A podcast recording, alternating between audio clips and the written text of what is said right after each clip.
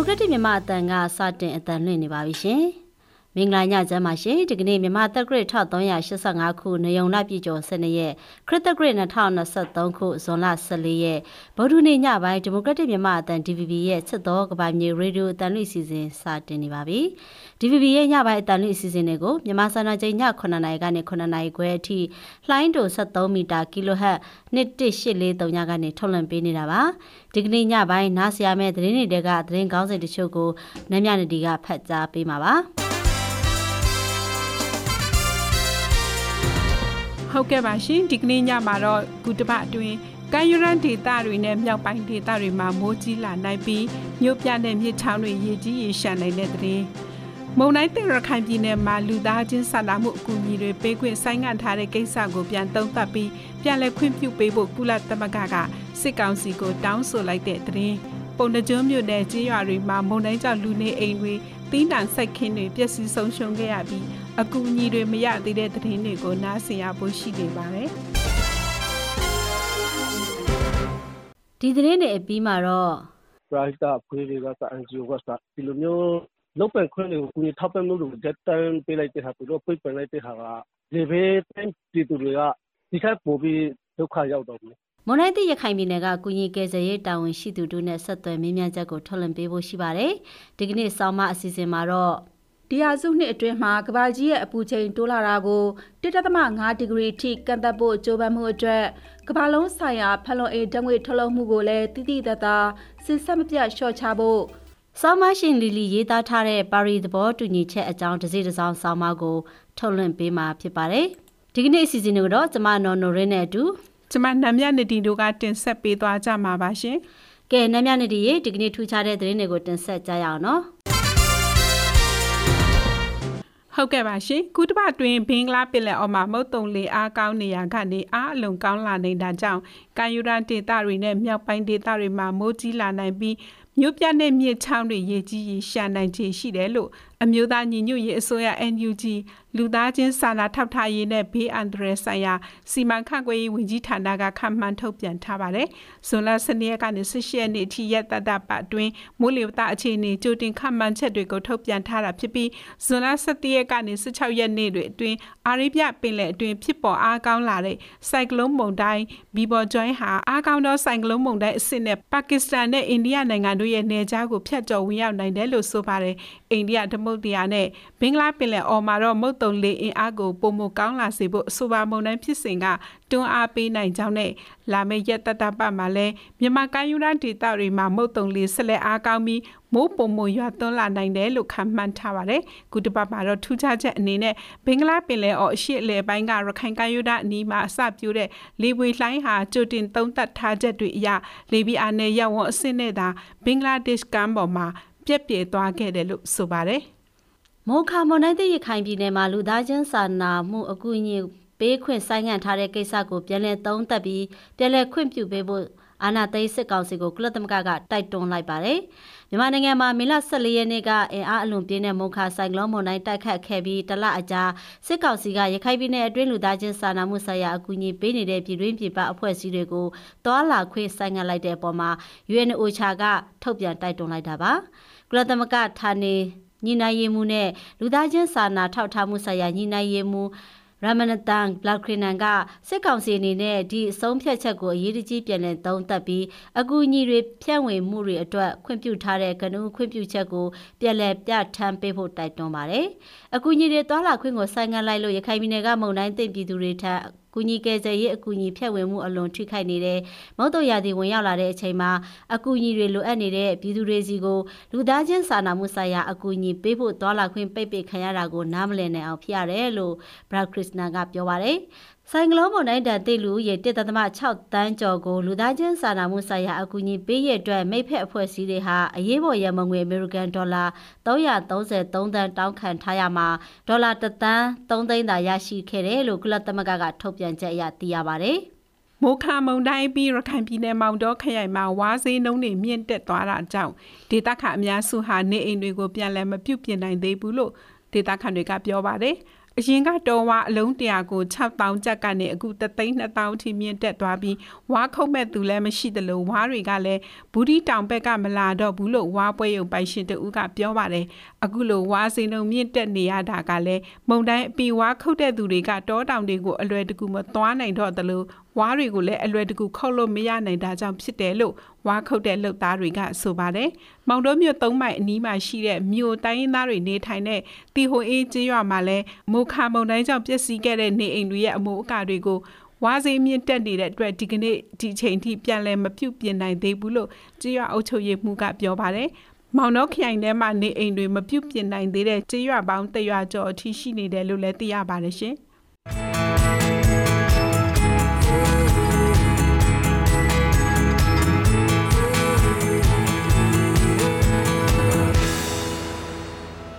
DVB ရဲ့ရေဒီယိုအစီအစဉ်ကိုနားဆင်နေကြရတာပါအခုဆက်လက်ပြီးမိုးလေဝသသတင်းတွေကိုတင်ဆက်ပေးမှာဖြစ်ပါတယ်ရှင်မင်္ဂလာပါရှင်ဇွန်လ14ရက်နေ့အတွက်မိုးလေဝသခန့်မှန်းချက်တွေကိုတင်ဆက်ပေးတော့မှာဖြစ်ပါတယ်ဒီကနေ့မနက်ပိုင်းဖမ်းရရှိထားတဲ့ဂျရူးတိမ်ပုံကြည့်မယ်ဆိုရင်တော့ကပလီပင်လယ်ပြင်နဲ့ဘင်္ဂလားပင်လယ်အော်တို့မှာမုတ်တုံလေးအကောင်းနေပါတယ်နက်ဖြန်ညနေအထိမိုးလေဝသခန့်မှန်းချက်တွေနေနေရတော့မြမကန်ရန်ရှောင်းနဲ့ကမ်းလွန်ပင်လယ်ပြင်တို့မှာတခါတည်းမိုးသက်လေပြင်းလေးကြောက်ပြီးတော့လှိုင်းကြည့်နိုင်ပါတယ် မိုးသက်လေပြင်းကျနေတဲ့အချိန်မှာရှေးပြင်းပြင်းပြင်းလေးရတနာရီ35မိုင်အနေမိုင်40နှုန်းတက်ခတ်နိုင်ပါတယ်။လိုင်းမြင့်နေရတော့မြမကန်ရန်ရှောင်းနဲ့ကမ်းလွန်ပင်လယ်ပြင်တို့မှာ10ပေကနေ10ပေလောက်ထိမြင့်တက်နိုင်ပါတယ်ရှင်။မိုးရောက်တော်နိုင်မှုခန့်မှန်းချက်တွေနေနေရတော့စကိုင်းနဲ့ထပ်ပိုင်းရန်ကုန်တိုင်း AR တိုင်းတနင်္သာရီတိုင်းနဲ့ကချင်ပြည်နယ်တို့မှာ မိုးတိမ်တော်တွေဖြစ်ထွန်းမှုအကောက်နိုင်ပြီးတော့အဆိုပါမိုးတိမ်တော်တွေရွေးရှားတဲ့နေရာရှောက်မှာမိုးရသွန်းခြင်းတဲ့အတူလေပြင်းတိုက်ခတ်ခြင်းမိုးရချုံခြင်းမိုးကြိုးပစ်ခြင်းလျှက်စီးလက်ခြင်းနဲ့မိုးတိကျွေခြင်းစတဲ့မိုးလေဝသဖြစ်စဉ်တွေဖြစ်ပေါ်နိုင်တဲ့အတွက်ကြောင့်ကြိုတင်သတိပြုနေထိုင်ကြဖို့အတွက်ကြံပြုအပ်ပါရရှင်။မိုးရသွန်းနိုင်မှုခန့်မှန်းချက်တွေနေနေရတော့စကိုင်းတိုင်းအောက်ပိုင်းမန္တလေးတိုင်း မကွေးတိုင်းနဲ့ချင်းပြည်နယ်တို့မှာနေရာကျကျရှမ်းပြည်နယ်အရှေ့ပိုင်းရခိုင်ပြည်နယ်၊ကယားပြည်နယ်တို့မှာနေရာစစ်စိတ်ကြံမြင့်တဲ့တိုင်းတွေမှာတော့နေရာနှံပြမှုတချုံလာနိုင်ပါတယ်။ရှမ်းကုန်းတိုင်းရာတွေတိုင်းတရင်သားတိုင်းကချင်ပြည်နယ်မွန်ပြည်နယ်တို့မှာနေရာကွက်ပြီးမိုးချိနိုင်တယ်လို့ခန့်မှန်းထားပါတယ်ရှင်။ဒီပူချိန်ခံမှန်းချက်တွေကတော့အမြင့်ဆုံးပူချိန်အနေနဲ့မကွေးတိုင်းမှာ40ဒီဂရီစင်တီဂရိတ်ဝန်းကျင်လောက်ထိမြင့်တက်နိုင်ပါတယ်ရှင်။ ဆက်လက်ပြီးတော့နေပြီးတော့ရန်ကုန်မြို့နယ်မန္တလေးမြို့နယ်နေတဝိုင်းမနက်ဖြန်ညနေထိခံမှန်းချက်တွေကတော့နေရာကွက်ကြားမိုးထိတ်ချုံလာတော်နိုင်တယ်လို့ခံမှန်းထားပါတယ်ရှင်ကျေးဇူးများတင်ပါတယ်ရှင်မလဝတသတင်းတွေကိုနားဆင်ခဲ့ကြရတာပါတရရှိများရှင်အခုဆက်လက်ပြီးသတင်းပေးပို့ချက်ကိုထုတ်လွှင့်ပေးတော့မှာဖို့နမ်းမြနေတီပြပြပေးပါဦးရှင်ဟုတ်ကဲ့ပါရှင် ရခိုင်ပြည်နယ်မှာမိုးခဆိုင်ကလုန်းမုန်တိုင်းကြောင့်အခြေခံပညာစာသင်ကျောင်းပေါင်း1500ကျော်ပျက်စီးခဲ့ရမှာစာသင်ကျောင်း350ကျောင်းကိုပဲပြင်ဆင်ပြီးဆုံးသေးတယ်လို့ပြည်내ပညာရေးမှူးကပြောပါတယ်ဒီသတင်းကိုဖူးအီအီနွယ်ပေးပို့ထားတာပါရှင်အခြေခံပညာစာသင်ကျောင်းပေါင်း3000ကျော်ရှိတဲ့ရခိုင်ပြည်နယ်မှာပြီးခဲ့တဲ့မေလ14ရက်နေ့ကအင်အားလုံးပြင်းတဲ့ဆိုင်ကလုန်းမုန်တိုင်းမိုးခတိုက်ခတ်မှုကြောင့်စာသင်ကျောင်းတဝက်နီးပါးပျက်စီးသွားခဲ့ပါတယ်မုန်တိုင်းကြောင့်စာသင်ကျောင်းစုစုပေါင်း1538ကျောင်းပျက်စီးခဲ့ပြီး ဒီကျောင်းတွေကိုဂျွန်လကျောင်းစာဖွင့်ချိန်အတွက်အားချင်းပြင်ဆင်ခဲ့ပေမဲ့မေလ9ရက်နေ့အထိ350ကျောင်းသာပြင်ဆင်ပြီးစီးသေးတယ်လို့ရခိုင်ပြည်နယ်ပညာရေးဦးစီးဌာနကနေသိရပါဗျ။လက်ရှိမှာတော့ပြင်ဆင်ပြီးစီးသလောက်စာသင်ကျောင်းတွေမှာဦးစားပေးအလိုက်ဖွင့်လှစ်သင်ကြားပေးနေပြီးကြန့်ရှိတဲ့ကျောင်းတွေကိုလည်းဆက်ပြင်နေတယ်လို့ပြည်내ပညာရေးမှူးဥပထွီစိန်က DV ကိုပြောပါတယ်။300ကျော်ပြင်ဆင်ပြီးပြီပေါ့နော်350ကျော်ပေါ့နော်ဒါအဒုပြန်ဆောင်ရွက်ရှိကဆောင်ရွက်ရှိကတော့1000 တစ်ထောင်လောက်ရှိတယ်ပေါ့နော်ဒါယူပြန်တော့ကြံတဲ့ဦးရေကတော့ဒါ183ကျော်လောက်အကုန်လုံးမွေးကိုမူးလန်တော့ရှိတယ်ဟောတော်တော်လေးများများပြည့်စည်တော့ရှိတယ်လို့ဆိုတော့နည်းနည်းပြည့်စည်တဲ့ကြောက်တွေကိုအရင်ပြန်ပြီးတော့မှဒါကြောက်တတ်တယ်ပေါ့အဲ့ဒီမှာကြောက်တော့ဦးရေများလို့မလောက်ဆိုလို့ရှိရင်သုံးတတ်တယ်ပေါ့အဲ့လိုတို့တွေပေါ့အဲတကယ်လို့နေတယ်မှာလေးပဲဒီလိုမတရားသေးတဲ့ကြောက်တဲ့မှာတော်တော်ရှိတော့အမှုပါအကုန်လုံးပြတ်တော့တဲ့လန်တော့တယ်ဆိုလို့ရှိရင် ယာယီကြောက်တဲ့နိုင်ဖို့အတွက် ကျွန်တော်တို့ ဘုန်းကြီးကျောင်းအောက်တွေ နောက် တချို့အင်ဂျီအင်ကုန်တွေ ပြန်ခဲ့တဲ့အင်ဂျီရဲ့အောက်မှာသာတရားပြန်ပေါ်ကျောက်တော်ဦးရရနေပြရကျွန်တော်တို့ စီစဉ်ထားတာ ရှိတယ်ဗျာဟုတ်ကဲ့ မုံတိုင်းနယ်ကြောင်စစ်တွေ ပုံနာကျွန်း ရသေးတောင်ကြောက်တော် ပေါတော်မြို့နယ်တွေက စာတင်ကျောင်းတွေ အပြည့်အစီများခဲ့တာဖြစ်ပြီး အခုပြင်ဆင်ပြီးစီးတဲ့ စာတင်ကျောင်းအများစုကတော့ စစ်တွေမြို့နယ်ပုံနာကျွန်းမြို့က စာတင်ကျောင်းတွေဖြစ်တယ်လို့ သိရပါတယ်။မြို့ချင်းမှာတော့ အကုန်လုံးကျန်းနေပြီ။ဒီမှာမှလည်းဆိုင်ဈေးဆိုင်ရောက်တာလေ အဲ့တော့အိမ်ပါတော့ဈေးဆိုင်လည်းမရောက်ဘူးအဲ့လိုအခက်အခဲတွေဖြစ်တယ်။သားသမီးကိုကြောက်ထားတာတော့ဟာဟိုတို့ပြတာပေါ်တာပြီးမှဖြစ်နေထားတာပေါ့။နည်းနည်းတော့အကျက်တိဖြစ်တော့မှရဲ့မြို့ပေါ်ကစာတင်ကျောင်းအများစုသာပြင်ဆင်ပြီးစီးဖွင့်လှစ်နိုင်ပြီးနယ်ဘက်တွေမှာကျောင်းတွေမဖွင့်နိုင်သေးဘူးလို့ဝင်လက်ဖောင်ဒေးရှင်းရဲ့အမှုဆောင်ဒါရိုက်တာခိုင်ကောင်းဆန်ကပြောပါရယ်ဒါကတက်ဖြစ်တဲ့ area တွေထဲမှာဆိုတော့မျိုးပေါ်ကစာတင်ကျောင်းတွေလောက်ပဲအာပွင့်နိုင်မှာပေါ့နော် ဒီကမျိုးပေါ်မှာတော့မှဥမာကျွန်တော်တို့စစ်တပ်မျိုးပေါ်မှာဆိုရင်နောက်ဆက်တာစာတင်ကျောင်းတို့ရှင်ပြေသာစာတင်ကျောင်းတို့တော့ဘုံလုံးကျောင်းတွေထဲမှာဆိုပတေသာတို့စာတရားပြင်ရုံတွေအများကြီးပါပဲတော်တော်များများကကျောင်းပွင့်နိုင်သေးဘူးပေါ့နော်ပေါ့နော်စပြတွေမရှိမနေသေးဘူးမိုခါဆိုင်ကလုန်းမုန်တိုင်းကြောင့်ရခိုင်ပြည်နယ်မှာပျက်စီးဆုံးရှုံးမှုတွေများပြားခဲ့ပြီးအခုပညာသင်နှစ်မှာကျောင်းတက်နိုင်မဲ့ကျောင်းသားအရေးအတွက်ကျဆင်းသွားနိုင်တယ်လို့သုံးသပ်ချက်တွေလည်းရှိပါတယ်။ရခိုင်ပြည်နယ်ပညာရေးဦးစီးဌာနကတော့ အခု2023-2024ပညာသင်နှစ်အတွက်ရခိုင်ပြည်နယ်မှာကျောင်းအနှံသူ4,9500ကျော်ရှိပြီးပြီးခဲ့တဲ့နှစ်က6သိန်းကျော်ကျောင်းတက်ရောက်ခဲ့တယ်လို့ဆိုပါတယ်။တော်ရရှင်များရှင်ကုဆက်လက်ပြီးမိုးခမုန်တိုင်းတန်ခံခဲ့ရတဲ့ ရခိုင်ပြည်နယ်ပုံနှကျိုးမြို့နယ်တောဖျားချောင်းဒေသကကြေးရွာပေါင်း60လောက်မှာနေအိမ်တွေတီးနှံစိုက်ခင်းတွေပျက်စီးဆုံးရှုံးခဲ့ရပြီးလမ်းပန်းဆက်သွယ်ရေးအခက်အခဲတွေကြောင့်ကုညီကယ်ဆယ်ရေးအဖွဲ့တွေလည်းရောက်မလာသေးဘူးလို့ဒေသခံကုညီကယ်ဆယ်ရေးအဖွဲ့တွေထံကသိရပါတယ်။ဒီတင်းကိုတော့နော်နိုရင်းကပြောပြမှာပါရှင်။ဟုတ်ကဲ့ပါရှင်မုတ်ခါမုန်တိုင်းတာခံခဲ့ရတဲ့ရခိုင်ပြည်နယ်ပေါ်နှကျုံးမြို့နယ်တောဖျားချောင်းဒေသကကြေးရွာပေါင်း60လောက်မှာနေအိမ်တွေ တီးနှံတွေပျက်စီးဆုံးရှုံးခဲ့ရပြီးလက်မဆက်သွယ်ရေးအခက်အခဲတွေကြောင့်ကုညီကယ်ဆယ်ရေးအဖွဲ့တွေလည်းရောက်မလာသေးဘူးလို့ဒေသခံတွေကပြောပါရယ်ပေါ်နှကျုံးမြို့နယ်တောဖျားဒေသကရွာပေါင်း60ခန့်ပျက်စီးသွားခဲ့တယ်လို့ဒေသခံတွေရဲ့စိုက်ခင်းတွေအားလုံးပျက်စီးသွားတယ်လို့ပိုးရွှေပြည်မဟာမိတ်လူမှုရေးအသင်းပြန်ကြားရေးတာဝန်ခံကိုအောင်ကျော်ကပြောပါရယ်တို့ဒီတောဖျားဒေသမှာကြာရင်ရောပေါင်းက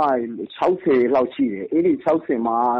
ကြေးရွာတွေက တော်တော်များများပြစီဆုံးရှုံးတာများတယ် နောက်ပြီးရင်ဒီတောဖျားဒေသက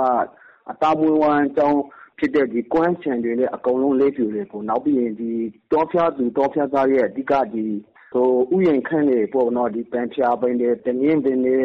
မရောက်ကုန်းပင်တွေ အကုန်လုံးပြစီသွားတယ် နောက်ပြီးရင် တချို့ရောတော်တော်များများကြာရင်ဒီအမိုးအကာ အလုံးအောက်ကို မရောက်နိုင်တဲ့ လူတွေ တော်တော်များနေသေးတယ် နောက်ပြီး KC ရဲ့အဖွဲ့တွေကလည်း ကျွန်တော်တို့ဒေသကိုကြာဟာလမ်းပန်းဆက်သွယ်ရေး ခက်ခဲတာကတခြားနောက်ပြီးရင်ဒီကျွန်တော်ဒေသက အရင်တုန်းကလည်း ဖွံ့ဖြိုးတိုးတက်မှုတွေ နောက်ကျတဲ့ဒေသတစ်ခုဖြစ်တာကြောင့် ဒီနေ့အထိတော့ ကျွန်တော်တို့ဒေသကို KC ရဲ့အဖွဲ့တွေ ကြီးကြီးမားမားတော့ မရောက်သေးပါဘူး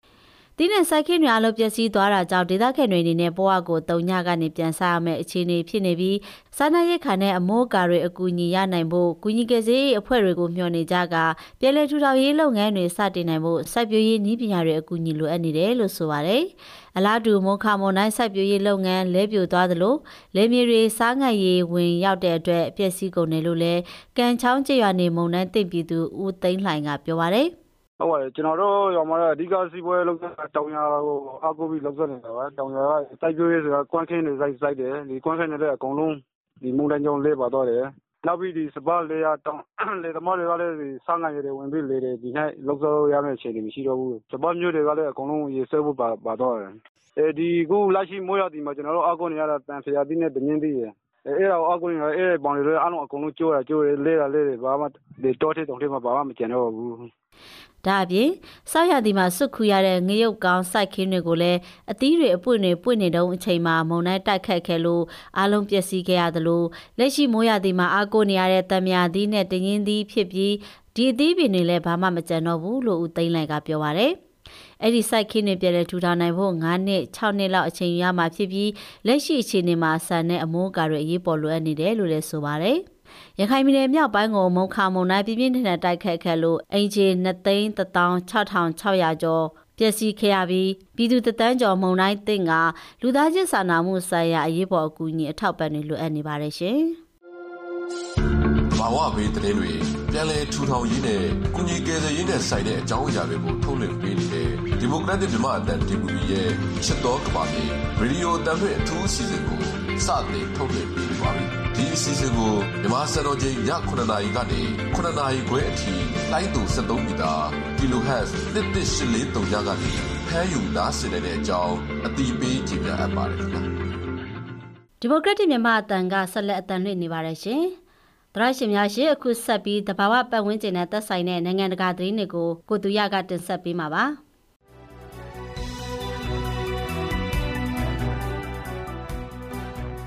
အိန္ဒိယနိုင်ငံမှာဘိုင်ပါကျွိုင်းဆိုင်ကလုန်းမုန်တိုင်းတိုက်ခတ်ခဲ့လို့ကလေးလေးဦးအပါအဝင်9ဦးသေဆုံးကလူထောင်ပေါင်းများစွာဘေးလွတ်ရာရွှေ့ပြောင်းခဲ့ရပါတယ်။အိန္ဒိယအနောက်ပိုင်းမွန်ဘိုင်းပင်လယ်ပြင်မှာ၄ဦးရေနစ်သေဆုံးခဲ့ပြီးကူတက်နဲ့ Rajkot ခရိုင်တွေမှာနံရံတွေပြိုကျလို့၃ဦးသေဆုံးခဲ့တယ်လို့ရဲတပ်ဖွဲ့ကထုတ်ပြန်ပါတယ်။ အလွန်ပြင်းထန်တဲ့ဘေးအန္တရာယ်လို့အဓိပ္ပာယ်ရတဲ့ဘိုင်ပါကျွိုင်းဆိုင်ကလုန်းမုန်တိုင်းဟာအိန္ဒိယနိုင်ငံဂူဂျာရတ်ပြည်နယ်နဲ့ပါကစ္စတန်တောင်ပိုင်းကိုတိုက်ခိုက်မှာဖြစ်ပြီးအမြင့်ဆုံးလေတိုက်နှုန်းမှာတနအီကို63မိုင်ထိရှိနိုင်တယ်လို့မိုးလေဝသပညာရှင်တွေကခန့်မှန်းထားပါတယ်။ကမ်းရိုးတန်းဂူဂျာရက်ပြည်နယ်ရှိခရိုင်ရှိခုထိခိုက်ခံရပွဲရှိပြီးကမ်းလွန်ရေနံတပ်ဆင်ရေးကိုရပ်ဆိုင်းထားကစိတ်ကမ်းတွေနဲ့ငါးဖမ်းတာကိုဇွန်15ရက်အထိပိတ်သိမ်းထားတယ်လို့ပြည်နယ်ဆိုရကပြောပါတယ်။စာတင်ကျောင်းတွေကိုလည်းပိတ်ထားပါတယ်။ အိန္ဒိယနဲ့ပါကစ္စတန်တို့ကဘိုင်ပါကျွဲဆိုင်ကလုန်းမှုန်တိုင်းကုန်းတွင်းပိုင်းမဝင်ခင်နှစ်ရက်အလိုမှာလူပေါင်း4000ကျော်ကိုဘေးလွတ်ရာသို့ရွှေ့ပြောင်းခဲ့ပါတယ်။ကာဇက်စတန်နိုင်ငံရှေ့ပိုင်းအဘေးဒေသမှာတော်မီလောင်ကျွမ်းမှုကြောင့်တိတ်ဆုံးခဲ့ရတဲ့တစ်တော်ဝန်ထမ်း14ဦးအတွက်ဝမ်း내ကြောင်းအနေနဲ့ကာဇက်စတန်နိုင်ငံတဝမ်းမှာဇွန်12ရက်ကအလံတွေကိုတိုင်တဝက်ရှော့ချလွှင့်ထူခဲ့ပါတယ်။ဗဟိုအာရှနိုင်ငံရှိမြေဧရိယာ4300ဟက်တာကိုမိနှိမ့်တက်နိုင်ဖို့မိသက်သမားတွေရုန်းကန်နေရတော့မယ်လို့အစိုးရကပြောပါတယ်။ ပြီးခဲ့တဲ့ကြာသပတေးနေ့ကတစ်တော်ဝန်ထမ်းတွေရဲ့တိတ်ဆုံးမှုသတင်းကိုအလုသမားတွေစီကနောက်ဆုံးကြားသိခဲ့ရပြီးသူတို့ရဲ့အလောင်းတွေကိုစနေနေ့ကတွေ့ရှိခဲ့ကြောင်းတာဝန်ရှိသူတွေကပြောပါတယ်။သမရကက်ဆင်ယိုမာထိုကာရက်ဟာအရေးပေါ်ဝင်ကြီးယူရီအဲရင်ကိုသတင်းပတ်အကောင်ကထုတ်ပယ်ခဲ့ပြီးတဘာဝဘေးအန္တရာယ်နောက်ွယ်မှာရာဇဝတ်မှုဆိုင်ရာပေါ်ဆမှုတွေရှိနေတယ်လို့ပြောပါတယ်။ရုရှားတရုတ်နိုင်ငံတွေနဲ့ထိစပ်နေတဲ့အဲ့ဒီဒေသမှာလူပေါင်း1500လောက်ဟာယာနဲ့ချီတဲ့မော်တော်ယာဉ်တွေရဟတ်ယာဉ်12စီးတို့နဲ့အခင်းဖြစ်ပွားတဲ့နေရာသို့တွားရောက်ခဲ့ကြတယ်လို့ဆိုပါတယ်။ မုန်တိုင်းအန်နယ်ကြောင့်အိန္ဒိယအစိုးရဟာအနောက်ဂူဂျာရက်ပြည်နယ်ကာလာဒန်စိတ်ကမ်းကုန်တင်ကုန်ချကင်တွယ်မှုကိုရပ်ဆိုင်းလိုက်ပါပြီ။ဆိုင်ကလုန်းမုန်တိုင်းဘာဘာကျွိုင်းကကမ်းခြေအနားချင်းကလာနေလို့ကြိုတင်ပြင်ဆင်ထားတဲ့အနေနဲ့အနည်းဆုံးလူပေါင်း3000လောက်ကိုဘေးလွတ်ရာရွှေ့ပြောင်းထားလိုက်ပြီလို့နိုင်ငံရဲ့ကျန်းမာရေးဝန်ကြီးကဇွန်23ရက်နေ့မှာပြောပါတယ်။ကလင်းငယ်တွေပါဝင်တချို့ဟာအခုအခါဂန်နဟန်မြို့ကပြန်ပြင်ထားတဲ့ခန်းမတစ်ခုမှာခိုးလုံနေကြပါတယ်။ကျန်းမာရေးဝန်ကြီးမန်ဆွန်မန်ဒါဘီယာကသူတို့ကိုလာတွေ့ပြီးသူတို့ထဲကတချို့ကိုလည်းစကားပြောခဲ့ပါတယ်။ အလွန်ပြင်းထန်တဲ့ဆိုင်ကလုန်းမုန်တိုင်းပါပါကျွိုင်းဟာဇွန်15ရက်ညနေပိုင်းမှာအိန္ဒိယနိုင်ငံဂူဂျာရတ်နဲ့ပါကစ္စတန်နိုင်ငံကမန်ဘီမြို့တို့ကြားအမြင့်ဆုံးလေတိုက်နှုန်းတနအီလ88မှ84မိုင်အထိတိုက်ခိုက်ဝင်ရောက်နိုင်တယ်လို့ခန့်မှန်းရပါတယ်။ဂူဂျာရတ်ကန်ရိုရန်ကခရိုင်၈ခုမုန်တိုင်းနိုင်ခံရနိုင်တယ်လို့ပြည်내ဆိုရကပြောပါတယ်။စာတင်ကျောင်းတွေအတွက်အားလျက်ဖြစ်ကြေညာထားပြီးဒေသအတွင်းငါးဖက်လုပ်ငန်းကိုဇွန်16ရက်အထိရပ်ဆိုင်းထားပါတယ်။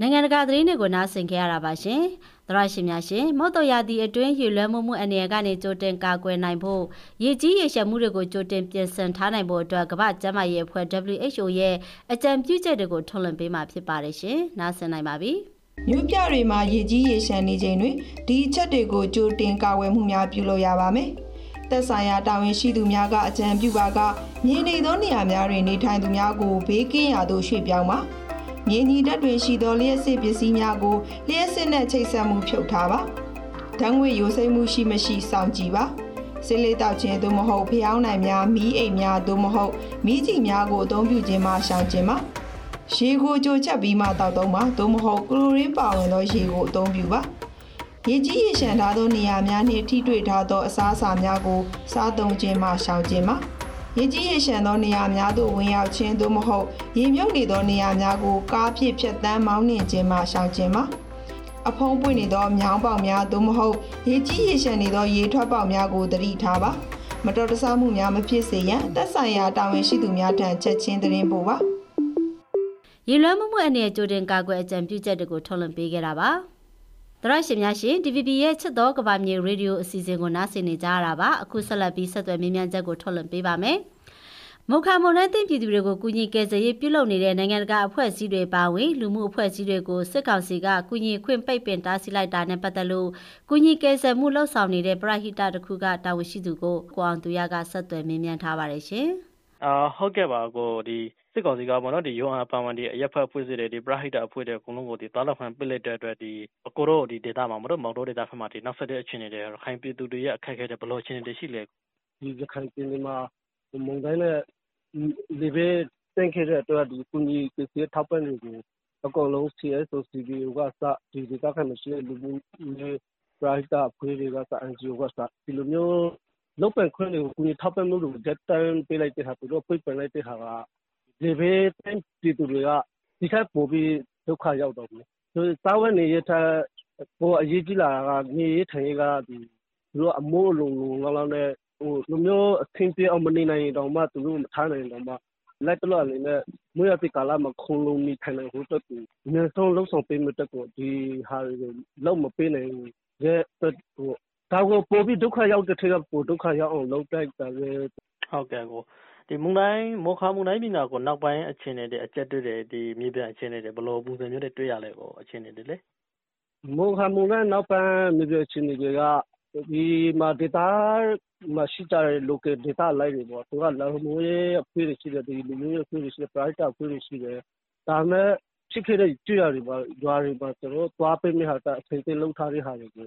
ဟိုပစ္စည်းတွေကလည်းလုံလုံလောက်လောက်အချိန်သိလောက်ထားတယ် သူကတချို့ NGO ဖက်ကလည်းသူတို့ပေးမယ့်ဟာတွေတက်ကို အကုန်လုံးစီစဉ်ထားတယ်ကြွရတယ်မှာဆင်းပြီးမှဒီကျွန်တော်ဒီ data အာဏာပိုင်တွေ ဒီမှာ အုပ်ချုပ်နေတဲ့ အာဏာပိုင်တွေက ကျွန်တော်တို့လည်းပေးလို့မရဘူးဖြစ်နေတယ်။ပေါ်ကဒီရှင်ဘယ်အဖွဲ့အစည်းကမှဒီခွင့်ပြုချက်မပေးနိုင်ဘူးဆိုတဲ့ ပုံစံမျိုးကိုဟိုပိတ်ပင်ထားတဲ့ဟာတွေက တချို့အဖွဲ့အစည်းတွေကလည်း ခွင့်ပြုမှုစားတော့တရုတ်တီတွေကမှပြန်ရောက်သိမ်းသွားတဲ့ အခြေအနေမျိုးတွေ ရှိနေတယ်ပေါ့ လက်ရှိကတော့သူတို့ဟုတ်အဲနောက်တစ်ခုကလည်းကိုခုလိုဘောနော်ဒီပြည်သူတွေကိုဒီကိုကြီးခန်းကန့်သက်လိုက်တဲ့ပုံမှာ ခိုင်ပြည်သူတယောက်အနေနဲ့ဘာပြောရှင်လဲဒီလိုမျိုး NGO တွေဟိုဟာတွေပိတ်ပင်လိုက်တဲ့ဟာကတော့ခုဆိုရင်မိုးရတီရောက်လာပြီနေထိုင်ရေးကစားစားတော့ရေးကစားတစ်ခုစလုံးကို join တီးပြီးမှပိုပြီးဒုက္ခရောက်လာပြီပေါ့အဲ့ဒါတွေကိုဆိုရကအနေနဲ့တကယ်ပြည်သူတွေကိုငင့်ညာပြီးမှငင့်ညာတွေဆိုရင်တော့ကုညီပေးနိုင်မဲ့အဖွဲ့အစည်းတွေရှိတယ်သူတို့ကိုလွတ်လပ်လပ်လပ်လောက်ခံပေးလိုက်ပါပေးဖို့တက်ကိုတခုလိုအပ်တာပေါ့နော် နောက်တစ်ခုကကြာရင်တော့ ဒီစက်ကောက်တွေခက်ကပေါ့ဒီကက ဒီလိုမျိုး တို့တွေပဲ လုံနိုင်တယ် တို့တွေပဲ ဆောင်ရွက်မယ်ဆိုတဲ့ ပုံစံမျိုးနဲ့တူတယောက်တည်းထိုင်လို့မရတဲ့ အရာတစ်ခု ဖြစ်နေတယ်မို့ အစိုးရကလည်းတကယ်တော့တတယောက်ကအကုန်လုံးကို ပြည်သူတွေကို ကာဖြစ်အောင် ဆောင်ရွက်မပေးနိုင်ဘူးမဆောင်ရွက်ပေးနိုင်တဲ့သူတွေ ရှိရင်လည်း ခွင့်ပြုပေးရမှာပဲ ဒီလိုအနေအထားမျိုး ရှိတယ်ဟုတ်ကဲ့တို့ တချို့ကိစ္စတွေကတော့ ဒီဟိုဒီဖက်ကတန်းတလက်နေကြနေပေါ့နော် လက်ရှိတွေကလည်း ပြန်ထူထောင်ရတဲ့သူတို့လုပ်နေကြဒါပေမဲ့ အကုန်လုံးကသူတို့ကလည်းလိုက်လက်မနေမဟုတ်ဘူး ကျွန်တော်လည်းတက်နေဆုံးကတော့ ဒီမှာ CSO တွေ ရှိတဲ့သူတွေကလည်းဟို CBO တွေ မြေပြင်မှာ တကယ်လက်တွဲလုပ်နေတဲ့သူတွေနဲ့ ပူးပေါင်းဝိုင်းဝိုင်းပြီးမှ ကျွန်တော်ဖြည့်ရှင်းပြီးမှပဲ ဒီရခိုင်ပြည်သူရဲ့ ဒီဒုက္ခတွေကဒီနေ့ကျုပ်ပသွားမှာပါလို့ဆက်သွယ်မြင်းမြတ်ချက်ကိုနားဆင်ကြရတာပါ DVB Radio အစီအစဉ်ကိုနားဆင်နေကြတာပါအခုအခါမှာတော့ဆောင်းပါအစီအစဉ်ကိုထုတ်လွှင့်ပေးဖို့ဖြစ်ပါတယ်ဆောင်းပါရှင်လီလီရေးသားထားတဲ့ပါရီသဘောတူညီချက်အကြောင်းတစ်စီးတစ်စောင်းဆောင်းပါကိုထုတ်လွှင့်ပေးမှာဖြစ်ပါတယ်ချူချူဆန်းကဖတ်ကြားပေးထားပါတယ်ရှင်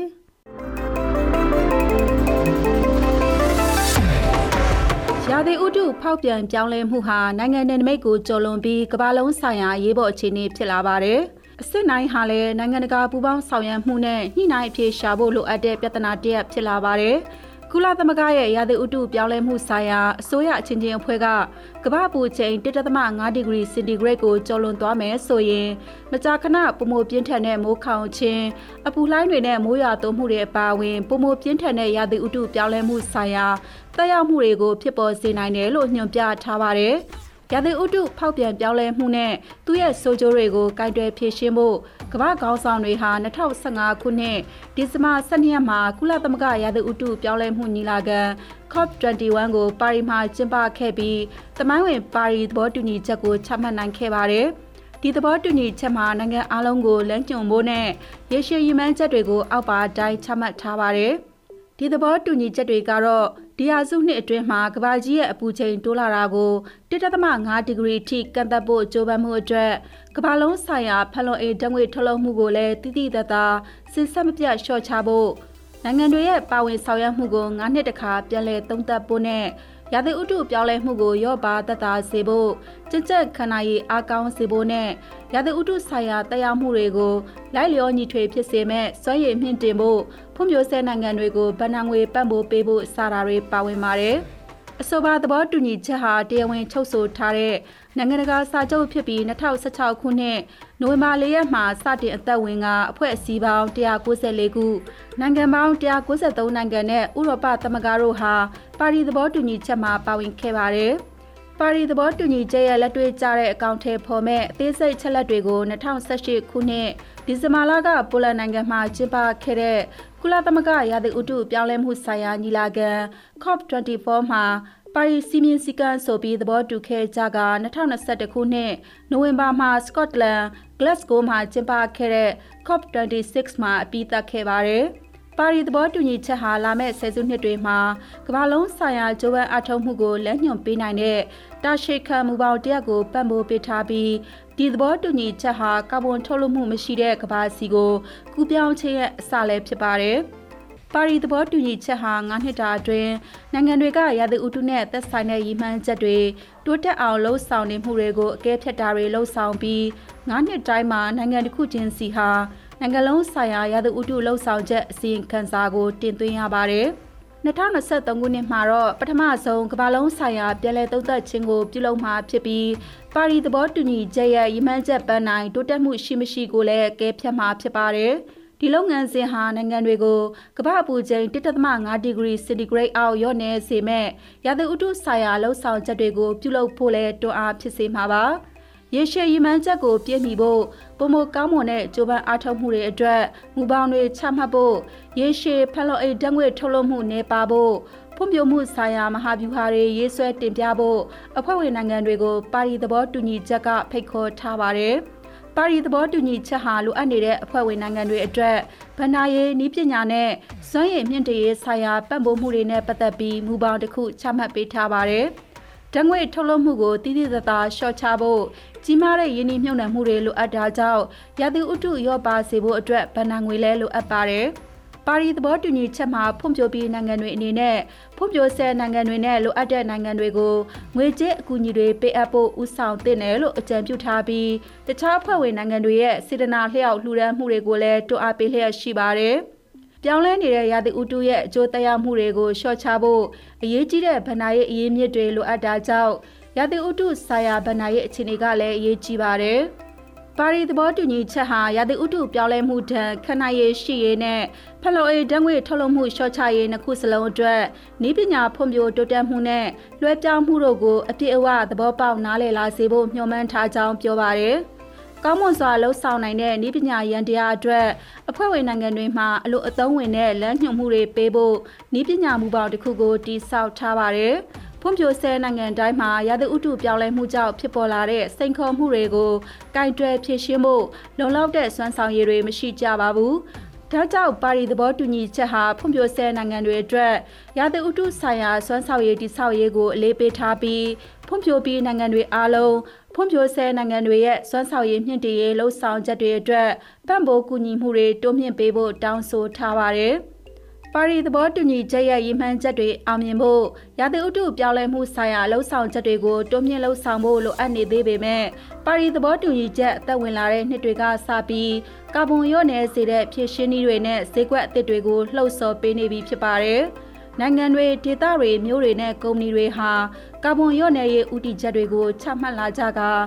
ကာဗွန်ဓာတ်ငွေထုတ်လွှတ်မှုရဲ့25ရာခိုင်နှုန်းကိုကိုစားပြုတဲ့စီးပွားရေးကဏ္ဍတွေမှာလည်းအပြိုင်ဆိုင်ဖြစ်လာပါတယ်။ ဒီလန်းကျောင်းဟာလျှက်စစ်နဲ့တည်ယူပို့ဆောင်ရေးကဏ္ဍတွေမှာတည်တာဆုံးဖြစ်ပြီးအစောပိုင်းတွေကအပြောင်းလဲပြုလုပ်သူတွေအတွက်လုပ်ငန်းအခွင့်အလမ်းသစ်များစွာကိုဖန်တီးပေးခဲ့ပါတယ်။2030ပြည့်နှစ်မှာကမ္ဘာလုံးဆိုင်ရာဓာတ်ငွေထုတ်လုပ်မှုရဲ့80ရာခိုင်နှုန်းကျော်ကိုကိုစားပြုနေတဲ့အခန်းကဏ္ဍတွေမှာ